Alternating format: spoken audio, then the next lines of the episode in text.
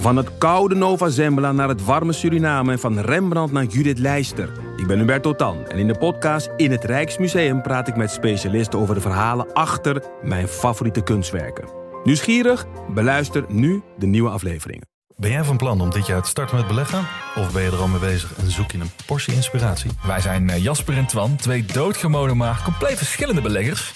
En iedere donderdag vertellen wij in onze podcast de lange termijn over onze beleggingsreis, onze lessen en met name onze fouten. En dat allemaal op een eh, vermakelijke en een langdrempelige manier. Alsof je met ons in een kroeg staat. Met een whiskytje erbij. Lekker. Dus luister eens naar onze podcast De Lange Termijn.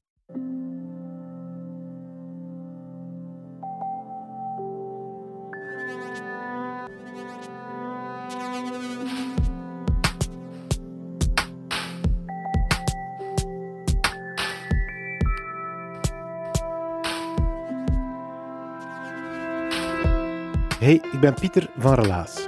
In Relaas vertellen mensen waar gebeurde verhalen en die hebben ze zelf meegemaakt. We hebben ook een nieuwe vriend van de show, Joepie. Zijn naam is Bert. Bert 35 zelfs. Iets doet mij denken dat dat niet zijn echte naam is, maar kom, ik begrijp het Bert. Het is dankzij mensen zoals jij dat wij deze podcast gratis kunnen houden voor iedereen, dus jij verdient deze loftrompet. Dankjewel. We gaan luisteren naar het verhaal van Dirk nu. Dirk vertelt het verhaal van een wonderbaarlijke ontdekking die hij deed, zomaar midden in de week. Een ontdekking die wel heel zijn warm nestgevoel wegneemt en heel zijn verleden in vraag stelt, waardoor hij antwoorden moet gaan zoeken.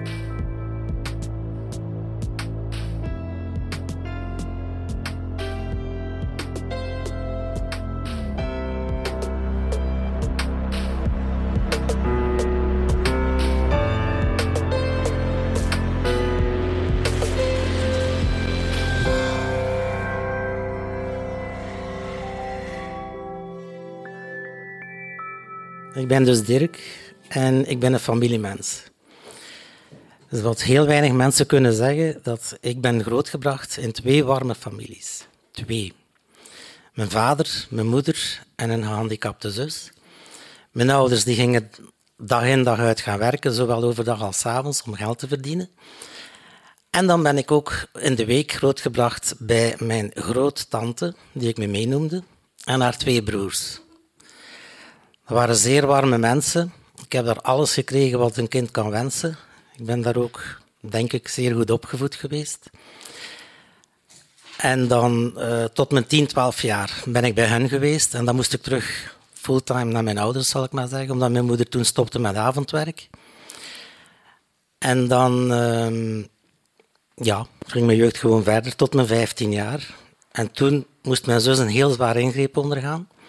Dus mijn ouders hadden geld nodig. Ik moest stoppen met school en gaan werken. Om geld te verdienen.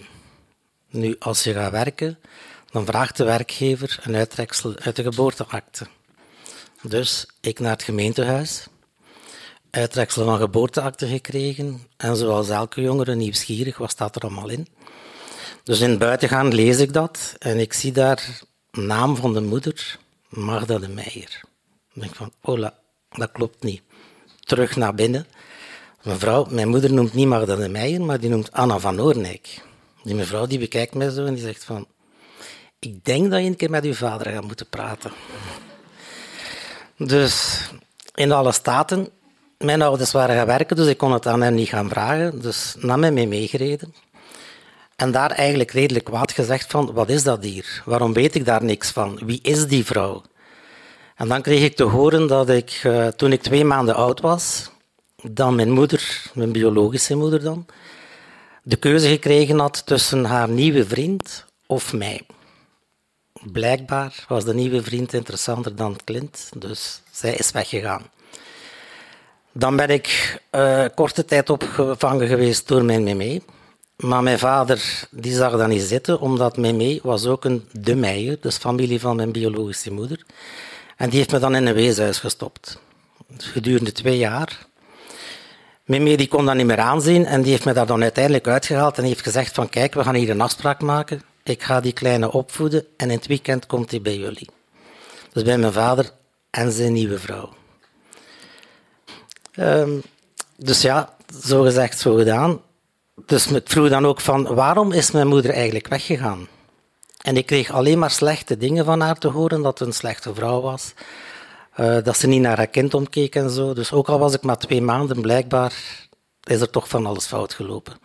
Ehm, mijn leven is gewoon doorgegaan. Natuurlijk wel altijd met acht, in het achterhoofd van wie is mijn moeder. Nu, mijn media had wel een fotoalbum van mijn moeder, van, van haar jeugd dan, tot zelfs de trouwfoto's met mijn vader. Die heeft ook het trouwboekje bijgehouden en de scheidingsbrieven.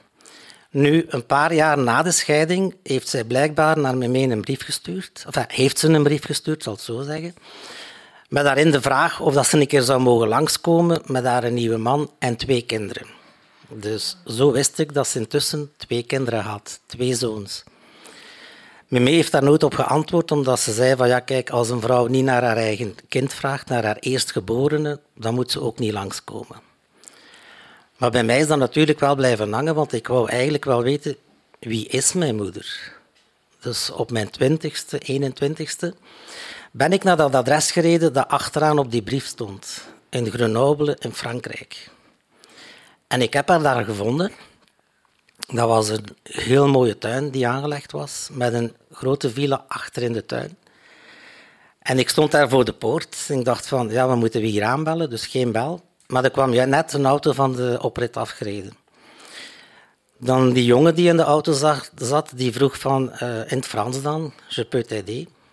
En ik wist niet goed wat zeggen, dus ik spreek maar in het Nederlands. Dus ik zei van, ja, spreekt u Nederlands? En die zei, attends, attends, maman, je vais chercher. Dus die zijn moeder gaan halen, dus mijn biologische moeder. Die kwam dan de oprit afgewandeld met een meisje aan haar hand. Dus blijkbaar was er nog een derde kindje. En op ongeveer zes meter van mij blijft ze staan en ze zegt van... Uh, ja, ik weet wie dat jij bent, maar ik zou heel graag hebben dat u omdraait en dat je nooit meer terugkomt. Dat was wel ergens hard, maar aan de andere kant had ik toen al het gevoel van, ik ken die vrouw niet.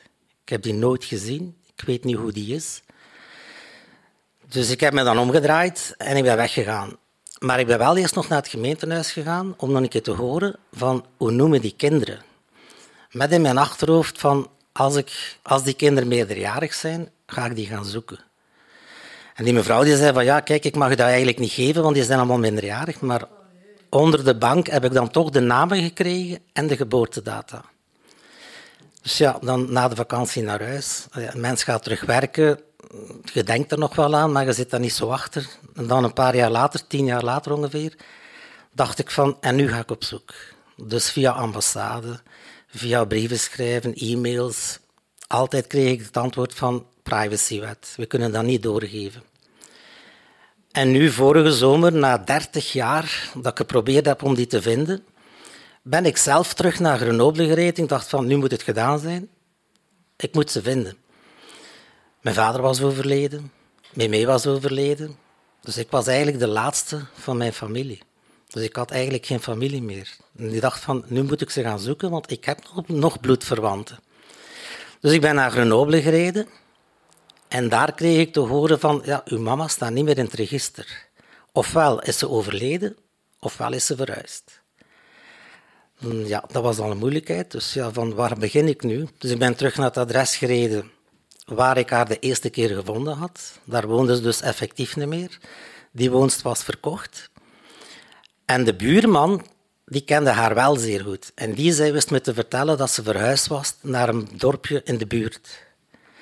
Dus ben ik naar dat dorp gereden, daar naar het gemeentehuis gegaan, daar is gaan horen van, woont hij hier nog? Waar woont hij? Dus ook daar was ze niet meer te vinden. Dus ik dacht van, ja, het is hopeloos, ze is overleden, want als ze hier ook al niet meer woont, dan moet er iets gebeurd zijn. Maar die mevrouw die heeft beginnen verder zoeken in het dossier, in de, ja, de dossier zou ik maar zeggen. En die heeft daar een dame gevonden met de naam Quercia. Nu, Quercia, dat is de naam van mijn biologische moeder, haar tweede man.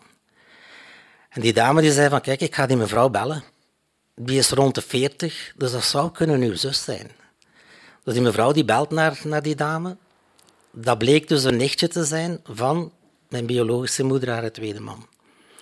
Dus ik heb met dat mens kunnen praten aan de telefoon en met een uitleg gedaan. Die viel dus ja, ook uit de lucht, want die wisten blijkbaar niet van mijn bestaan af. die wist mij te vertellen dat mijn oudste broer in de buurt van Saint-Honoré woont. Dus, wat doe ik? Saint-Honoré. dus daar weer naar het gemeentehuis, daar mijn verhaal nog eens gedaan, ook de papieren getoond, want privacy is blijkbaar nog altijd zeer belangrijk, ook al zijn die meerderjarig. En daar kreeg ik dan uiteindelijk toch het adres van mijn oudste broer. Wat ik natuurlijk zeer tof vond. Dus ben ik naar daar gereden, heb ik daar aangeklopt. En de, de oudste broer, zijn, zijn echtgenote, was thuis. Dus die doet het hek open en die kijkt naar mij, heel verbaasd. En die zegt van, ja, kan ik u helpen? Dus ik zeg van, kunnen wij even praten? Ik heb een aantal vragen voor u. Die zegt van, ja, kom binnen, zet u. Dus uh, in de tuin, het was mooi weer, augustus. Um, dus ik doe mijn verhaal daar, ik laat die foto's zien, ik laat de trouwboekjes zien, allee, heel, de, heel de dingen. Die wist niet goed wat ze hoorde, die zei van, allee, hoe kan dat nu? Uh, dat is inderdaad mijn schoonmoeder, maar wij wisten totaal niet van uw bestaan af. Wij wisten ook niet dat ze al getrouwd geweest was. Um, dus die zei van, kijk, ik ga nu direct naar mijn man bellen, die aan het werk was, en die moet onmiddellijk naar huis komen. Dus die belt daar een man op. Die zegt van, ja, maar ik ben aan het werk, ik kan hier zomaar niet weg. Uh, nee, nee, zegt ze, je moet nu komen. Er is iets heel belangrijk dat we moeten bespreken. Dus die man die dacht al het ergste natuurlijk. dus uh, die komt thuis en die ziet mij daar zitten. En ik zie aan zijn gezicht dat hij een bepaald gevoel heeft van, ik ken die persoon.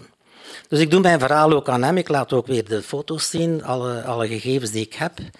En dan zegt zijn vrouw tegen mij van, kijk, zegt ze, ik had al de indruk dat jij bloedverwante was, want jij trekt als twee druppels water op mijn echtgenoot toen die 20 kilo lichter was. ik heb dan ook foto's gezien van hem en inderdaad, wij lijken als twee druppels water op elkaar. Dus die heeft dan ook zijn uh, andere broer gebeld en zijn zus, die zijn dan s'avonds gekomen.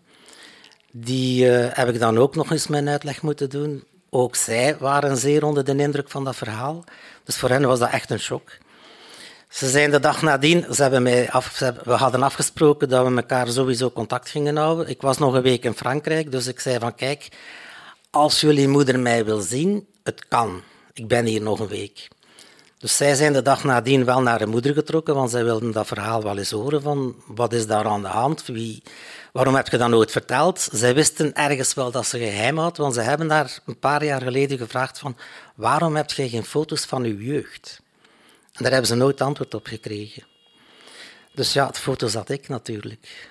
Um, dus ja, ze hebben naar hun moeder geweest de dag nadien en ze zei nog steeds van kijk, ik wil die niet zien, dat is een afgesloten hoofdstuk voor mij, dat is voorbij en gedaan. Nu, voor mij is het natuurlijk wel zo, ik was alleen, maar nu, na zoveel jaar, heb ik terug familie. En dankzij WhatsApp hebben wij een zeer goed contact met elkaar. Dus mijn jongste broer die had het eerst wel wat moeilijker, omdat hij wat afstandelijker was. Zo van, ja, uh, waarom nu? En, en is dat wel allemaal 100% zeker? Maar dat is intussen ook uh, een zeer warm contact geworden. Dus ik ben eigenlijk van geen familie terug naar een zeer warme familie gegaan. En wij gaan nu oudjaarsavond samen vieren in Grenoble.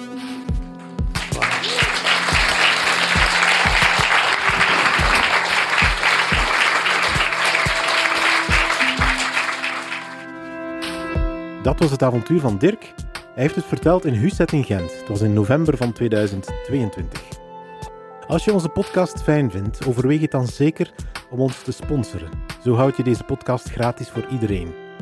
Want zoals jullie weten, maken wij deze podcast zonder centjes. Dus als je 2,5 euro per maand kan missen om ons werk te steunen, overweeg dat dan zeker. Je kan ons steunen via Vriend van de Show door vriend van Relaas te worden en dat doe je op vriendvandeshow.be slash relaas. Relaas is er dankzij de steun van de afdeling cultuur van de stad Gent en die van de Vlaamse gemeenschap. Wij organiseren vertelavonden met een hele groep vrijwilligers. We zoeken die vertellers zelf of ze dienen zich aan bij ons, maar wij helpen ze bij hun verhaal, we kneden het, we maken het tot wat het is en dan helpen we die persoon op een podium en aan het publiek en we brengen het nadien als een podcast tot bij jou. En dat doen we met een hele groep vrijwilligers. Hopelijk vond je het fijn om te luisteren. Wij vinden het in ieder geval super tof om relaas te maken.